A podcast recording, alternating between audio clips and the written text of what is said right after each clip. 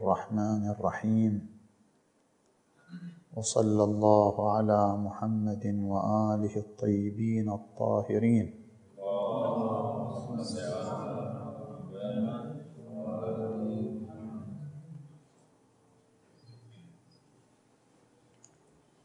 طرح بحث الثابت والمتغير. الشريعة الإسلامية منذ عدة قرون. فقد كتب القرافي من علماء أهل السنة في كتابه الفروق حول الثابت والمتغير في سنة النبي صلى الله عليه وآله.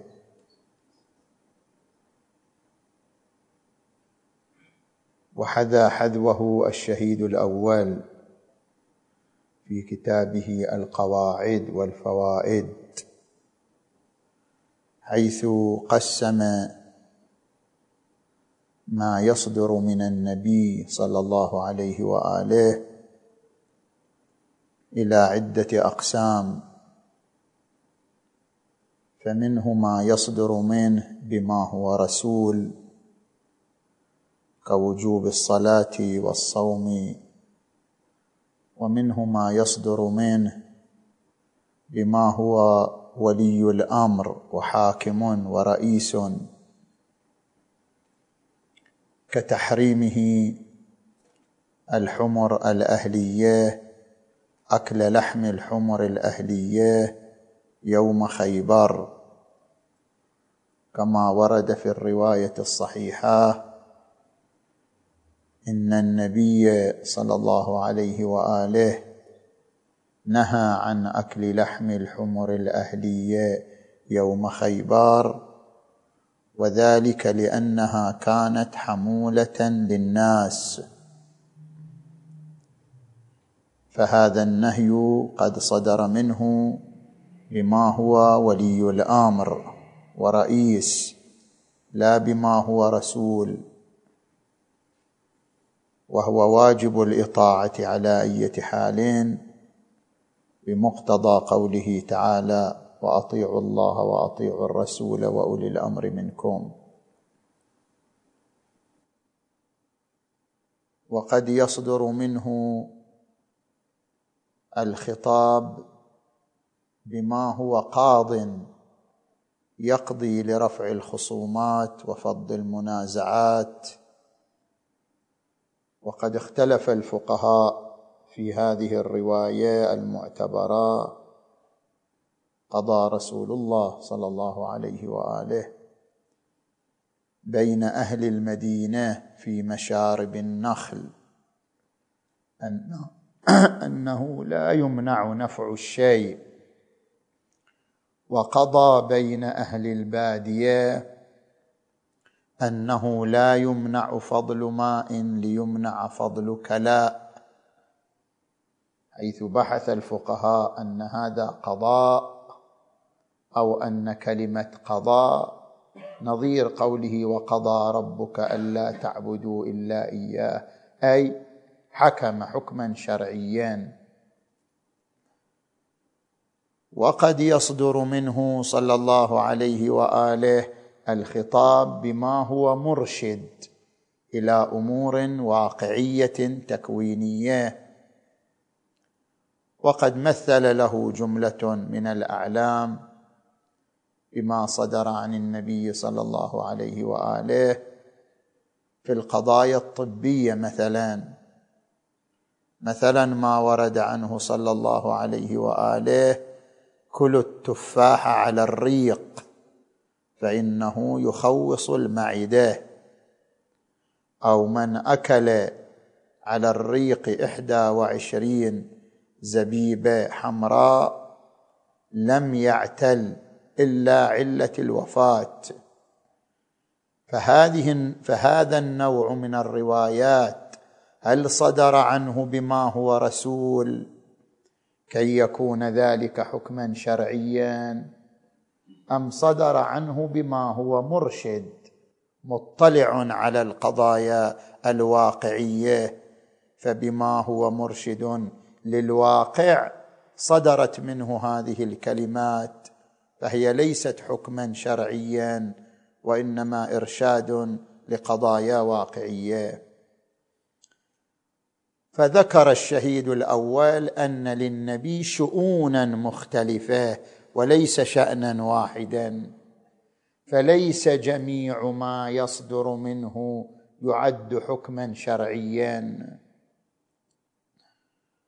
ثم تطور الباحث لدى المتأخرين حتى ذهب جملة من الباحثين إلى أن الأحكام الشرعية الصادرة عن النبي صلى الله عليه وآله. بما هو حكم شرعي هي تنقسم إلى قسمين أحكام ثابتة وأحكام متغيرة. وقد ذكر في كلمات هؤلاء الباحثين ميزانان للفرق بين الأحكام الثابتة والأحكام المتغيرة.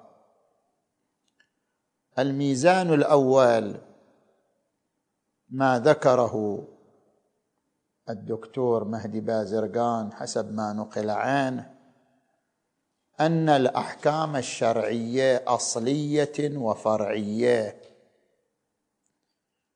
فالأحكام التي تغطي مصالح ضرورية ملزمة كالواجبات والمحرمات. فهذه أحكام أصلية ولا يمكن تغييرها. أما الأحكام التي تغطي مصالح تكميلية وليست مصالح ملزمة كالأحكام الاستحبابية مثلا. استحباب النافلة استحباب مثلا صلة الأرحام بما هو أكثر من الصلة الضرورية. هذه الأحكام الاستحبابية. بما أنها تعالج وتغطي مصالح تكميلية لا مصالح ملزمة فهذه الأحكام يقع فيها التغير وليست احكاما ثابتة. الميزان الآخر الذي تعرض له الدكتور عبد الكريم سروش وهو الفرق بين الذاتي والعرضي.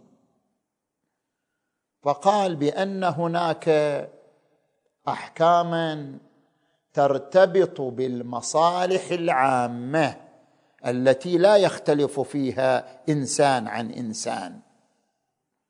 ولا مجتمع عن مجتمع. فهذه تعتبر من الأحكام الذاتية من التشريعات الذاتية. مثلا حرمة شرب الخمر كما ورد في الرواية الشريفة إنما حرمت الخمر لإسكارها. إن الله لم يحرم الخمر لاسمها وإنما حرمها لإسكارها. فما كانت عاقبته عاقبة الخمر فهو خمر. أو حرمة الربا مثلا لأنه ظلم. فإن تبتم فلكم رؤوس أموالكم لا تظلمون ولا تظلمون.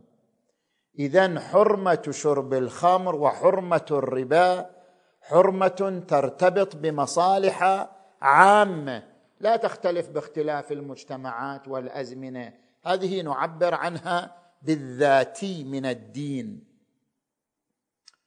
أما الأحكام التي لا ترتبط بالمصالح العامة وإنما ترتبط ببيئة معينة وثقافة معينة فهذه من العرضيات. مثلا اشتراط الفقهاء أن يكون عقد النكاح باللغة العربية أو أن يكون إيقاع الطلاق باللغة العربية. أو أن يكون إيقاع النذر باللغة العربية هذا لا ربط له بالمصالح العامة. غاية ما في الأمر أن الدين بدأ بالمجتمع العربي وجاءت تشريعاته باللغة العربية فرأى كثير من الفقهاء أن القدر المتيقن من النكاح النافذ من الطلاق النافذ من النذر النافذ ما كان باللغة العربية. وإلا ما دخل اللغة في إيجاد علاقة اعتبارية تسمى بالزواج أو إيجاد بينونة اعتبارية تسمى بالطلاق أو إيجاد علقة عهدية بين الإنسان وبين ربه تسمى بالنذر. اللغة لا دخل لها في هذه الأمور الاعتبارية. اذا اشتراط اللغة من عرضيات الدين لا من ذاتياته. فما كان من ذاتيات الدين فهو أحكام ثابتة. ما كان من عرضياته فهو أحكام متغيرة يعني قابلة للتغير.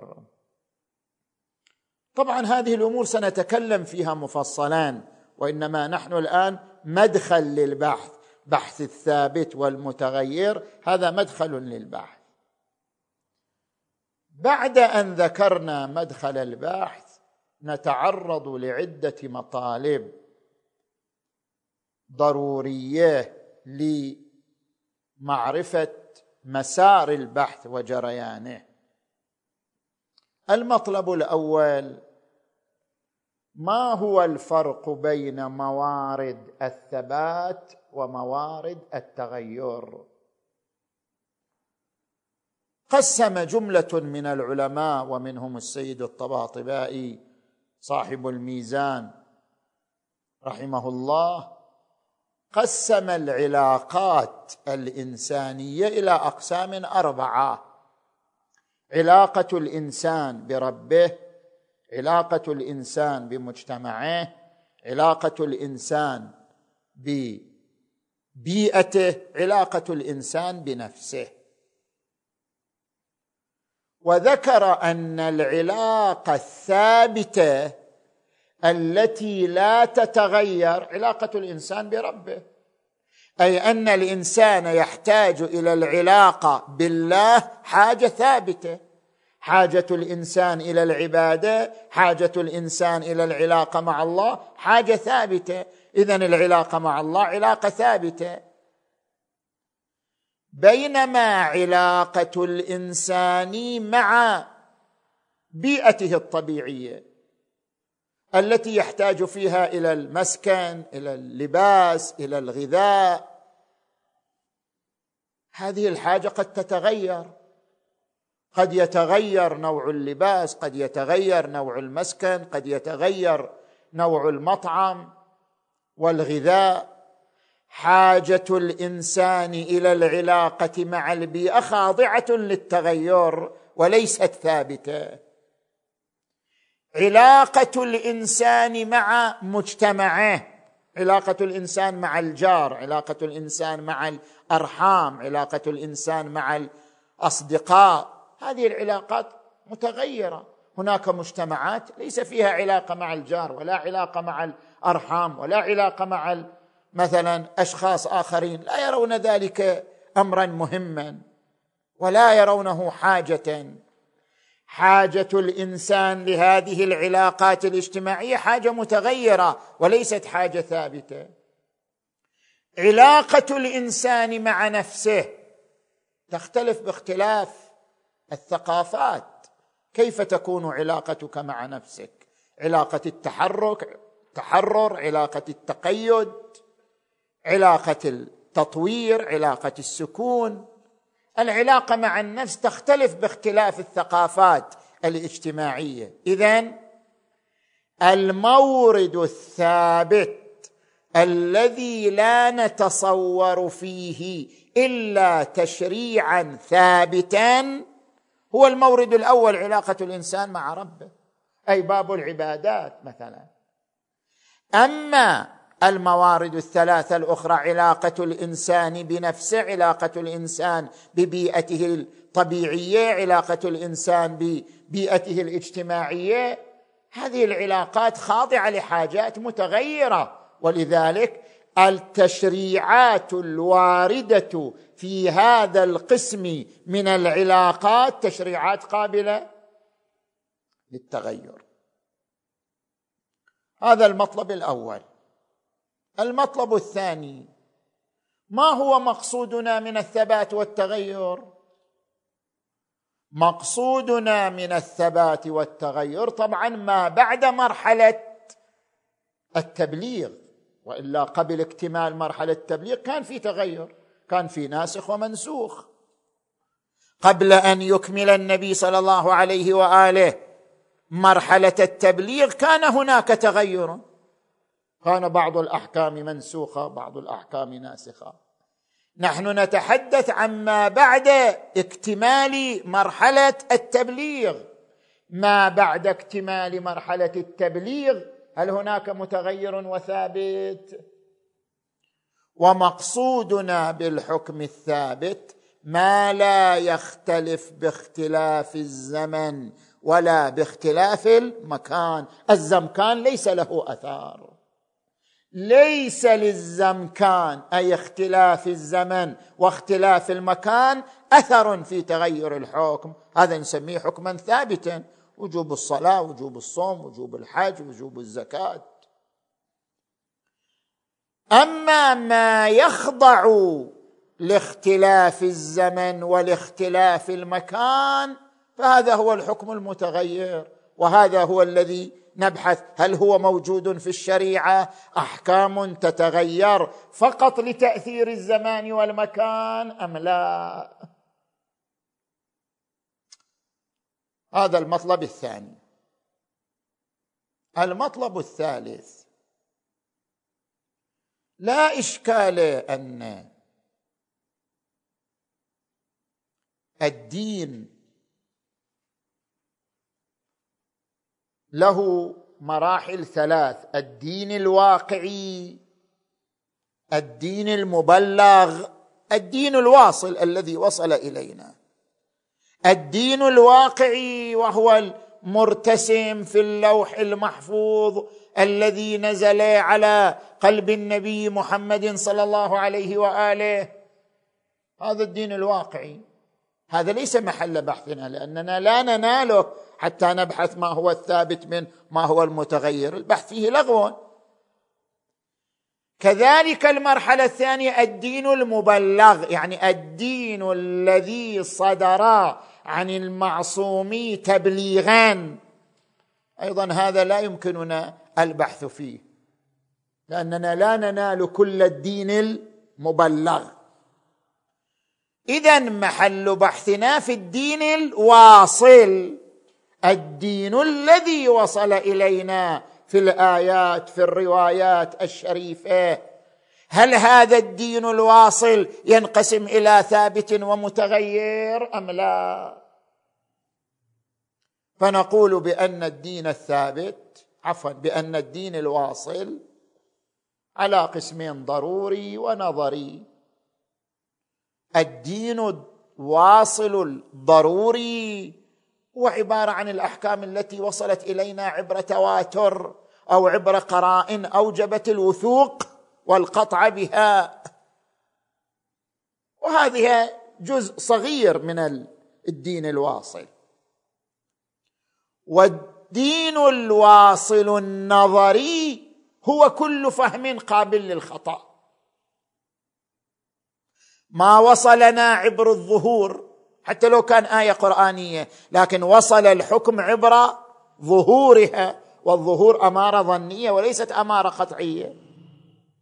أو وصل إلينا عبر خبر الثقة خبر الثقة أمارة ظنية وليست أمارة قطعية. أو وصل إلينا عبر حكم عقلي ولكن نحتمل أن هذا الحكم العقلي جهل مركب. نحتمل أنه مخطئ للواقع. كل حكم وصل إلينا وهو قابل للخطأ سواء كان قطعيا أو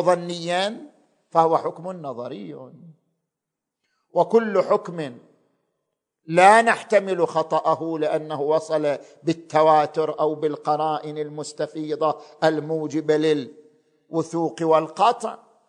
وهو حكم ضروري.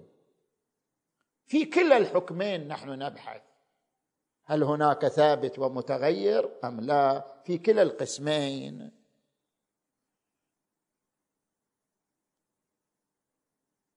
نأتي إلى المطلب الرابع وهو لب البحث وصلب البحث. ألا وهو الدين الإسلامي الذي يتمتع بسمات أربع منها أنه دين كامل. قال تعالى اليوم أكملت لكم دينكم. منها أنه خاتم الأديان. ما كان محمد أبا أحد من رجالكم ولكن رسول الله وخاتم النبيين. منها أنه دين عام لكل البشرية وما أرسلناك إلا كافة للناس. منها أنه ثابت لا ينسخ بحسب نوعه لا ينسخ. كما في قوله تعالى إن الدين عند الله الإسلام. الدين الذي يجمع هذه السمات الأربع الكمال العمومية مثلا الخاتمية الثبات. هل يتصور في هذا الدين أن يتغير بتغير الزمن والمكان أم لا؟ لا إشكال أن لدينا أحكام متغيرة لكن متغيرة بتغير الموضوع هذا مو محل البحث. الأحكام التي تتغير لتغير الموضوع. إما بعنوان أولي مسافر صار حاضر. كان حكمه القص صار حكم التمام. شخص لم يكن لديه ربح لم يكن عليه خمس. صار لديه ربح صار عليه خمس. هذا حكم تغير لتغير الموضوع بعنوان أولي. أو حكم تغير لتغير الموضوع بعنوان ثانوي. حرج ضرار. ما جعل عليكم في الدين من حرج. لا ضرر ولا ضرار على مؤمن. حكم يتغير لأجل الحرج لأجل الضرر. أو لقصور القدرة كما في موارد التزاحم. إذا حصل التزاحم بين الصلاة الواجبة في آخر الوقت وبين إنقاذ الغريق. والقدرة قاصرة عن الجمع بين الامتثالين. هنا قد يتغير الحكم نتيجة قصور القدرة. كان وجوب الصلاة فعليا لم يصبح فعليا لمزاحمته بما هو أهم منه ألا وهو مثلا إنقاذ الغريق. تغير الحكم لتغير الموضوع بعنوان أولي بعنوان ثانوي لا كلام فيه. الكلام الذي يقع محل البحث الكلامي والبحث الفقهي. يعني هذا بحث الثابت والمتغير بحثان بحث كلامي وبحث فقهي من جهة أخرى. نبحث هل يمكن التغير أم لا؟ وإذا كان التغير ممكنا ما هي المدارك الفقهية التي نعتمد عليها في مقام إثبات المتغير الحكم المتغير. فهو بحث كلامي وبحث فقهي. لأجل ذلك نقول هناك موارد ثلاثة وقع الكلام فيها. المورد الأول هل يمكن أن يتغير الحكم مع ثبات موضوعه؟ موضوعه ما تغير بس هو يتغير. لنفترض الآن في زماننا هذا يقال كانت دية المرأة عند قتلها خطا نصف دية الرجل الآن في زماننا تصبح دية المرأة دية الرجل. موضوع ما تغير المرأة قتلت خطا كلام في تغير الحكم لتغير الزمان لاختلاف الزمان. هل هذا يمكن؟ يعني هل ينسجم الدين الكامل الدين العام الدين الخاتم الدين الثابت. هل ينسجم الدين بسماته الأربعة مع تغير الحكم عن الموضوع الثابت؟ هل العقل يقبل ذلك أم يرى العقل مضاده بين هذا الدين الذي يحمل السمات الأربع وبين تغيره مع ثبات موضوعه؟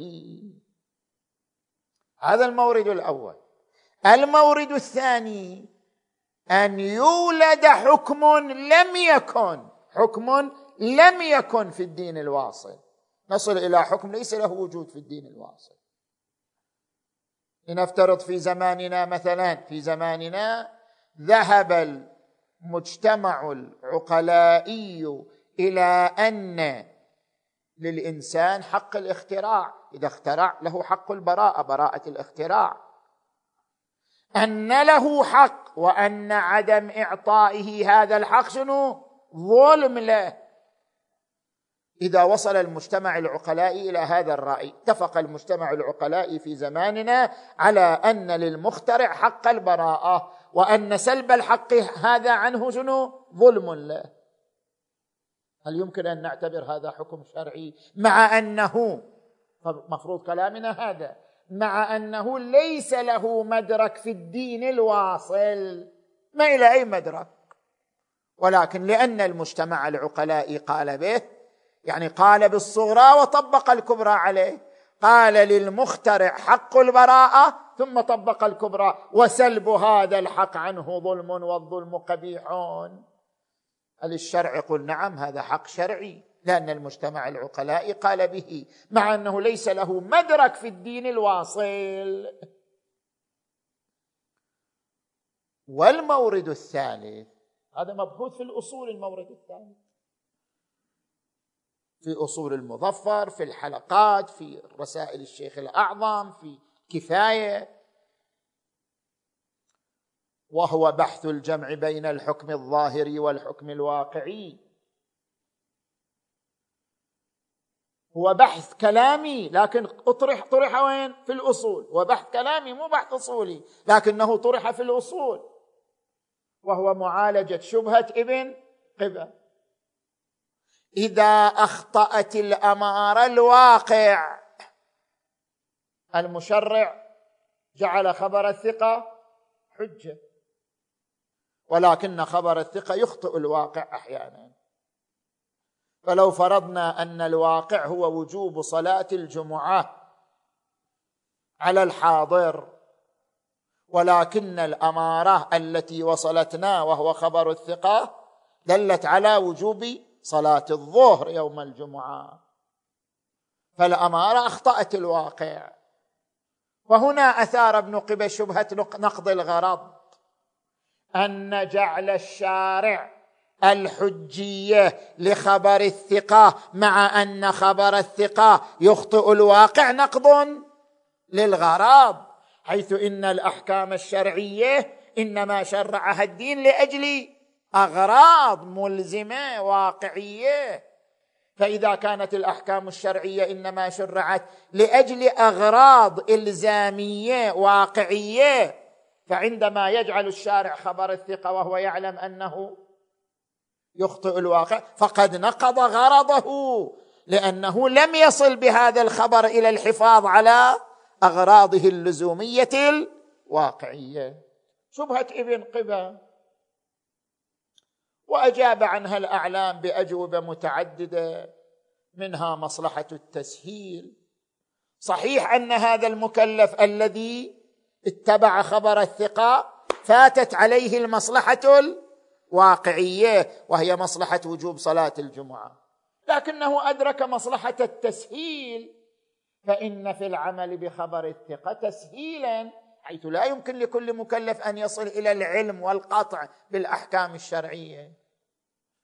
وهناك جواب آخر أن الأحكام الشرعية هي درجات في الاهتمام. فالحكم الشرعي الذي يبلغ أهمية قصوى على الشارع أن يتصدى لإيصاله. بأدلة قطعية أو بأدلة مستفيضة حتى يحافظ على غرضه. أما الحكم الشرعي الذي لا يبلغ هذا المستوى من الأهمية شارع يقول إن وصل إليك أدركت مصلحته. ما وصل إليك ما ضاع عليك شيء مهم. لأن هذا الحكم أساسا ليس بدرجة من الأهمية تقتضي أن يتصدى الشارع لإيصاله. وصل أدركت مصلحته. ما وصل؟ ما فات عليك غرض مهم. وصل وجوب صلاة الجمعة أدركت مصلحة ما وصل الوجوب؟ أنت بتصلي الظهر على كل حال. ما فاتت عليك مصلحة مهمة. كلام في الجواب الثالث. هذين الجوابين حافظوا على الحكم الواقعي. قالوا أكو حكم واقعي. بس الجواب الثالث الذي سلكه الشيخ الأنصاري وهو المصلحة السلوكية. قال إن أصابت الأمارة كخبر الثقة الواقع وحصلت على مصلحة الواقع. إن ما أصابت هناك مصلحة تعوض المصلحة الفائتة ألا وهي المصلحة السلوكية. وهنا أشكل بعض الأعلام ومنهم السيد الخوي أن هذا تصويب. مسلك الشيخ يؤدي إلى التصويب. يعني مسلك الشيخ بعبارة أخرى يؤدي إلى تغير الحكم الواقعي. اذا بناء على مسلك الشيخ حصل تغير ما صار ثبات للحكم الواقعي. الحكم الواقعي في حق من لم يصل إليه الأمارة. هذا الشخص اللي ما وصلت إليه الأمارة أصلا ما يدري. الحكم الشرعي في حق من لم تصل إليه الأمارة هو وجوب صلاة الجمعة. أما الحكم الشرعي في حق من وصلت إليه الأمارة وقد دلت على وجوب شنو؟ صلاة الظهر. فهنا مصلحتان. مصلحتان واقعيتان. مصلحة في صلاة الجمعة ومصلحة في السلوك وهو اتباع الأمارة. فبما أن هناك مصلحتين واقعيتين اذا مقتضى وجود مصلحتين واقعيتين أن يشرع الدين الجامع بين الحكمين. لا حكم واحد. هكذا أشكل السيد الخوي. قال مقتضى هذا الكلام أن الدين لابد أن يشرع جامع بين الحكمين. بأن يقول الحكم الشرعي الواقعي في حق من وصلت إليه الأمارة على وجوب صلاة الظهر. الحكم الشرعي الواقعي في حق شنو؟ الجامع بين وجوب الجمعة ووجوب الظهر. فهو إن اتبع الأمارة وصلى الظهر أتى بأحد الفردين. ان لا صحيح الأمارة قامت عنده على وجوب صلاة الظهر لكن قال أنا مشتهي أصلي الجمعة. قال أخالف الأمر خالف الأمر صلى الجمعة. أدرك مصلحة أخرى يعني طبق أحد الفردين. فكان الحكم الشرعي هو وجوب صلاة الجمعة. تغير الحكم الشرعي في حق من قامت عنده أمارة على وجوب صلاة الظهر تغير الحكم الشرعي الواقعي في حقه صار الحكم الشرعي الواقعي في حقه هو الجامع بين وجوب الظهر ووجوب الجمعة لأجل أن كل واحد من الحكمين يحقق مصلحة واقعية. هل هذا ممكن أم لا؟ اذا بالنتيجة نحن نبحث هذه الموارد الثلاثة. تغير الحكم مع ثبات موضوعه. ولادة حكم جديد لا مدرك له في الدين الواصل. تغير الواقع لأجل قيام أمارة شرعية على خلافه. طبعا أكو كتاب نحن سنمشي مع هذا الكتاب تعليقا أو نقضا أو تأييدا. ترجعوا لهذا الكتاب. الثابت والمتغير في الأدلة النصية. المؤلف شيخ حسن علي أكبر شيخ حسن علي أكبريان. حسن علي أكبريان بالفارسي وبالعربي هو موجود. نحن نمشي مع هذا الكتاب لأنه كتاب أشرف عليه أساتذة كبار في الحوزة. نمشي مع الكتاب طبعا قد نختلف معه في كثير من الموارد. المهم هو هذا مسيرتنا. تعليقان تأييدان إضافتان حذفان. راجعوا أنتم هذا الكتاب. وهو كما ذكرنا هذا البحث فيه مباحث كلامية ستأتي في مباحث فقهية ستأتي. قد نتعرض إلى مسألة العصمة لأنها ترتبط ببعض جوانب البحث وهكذا. والحمد لله رب العالمين.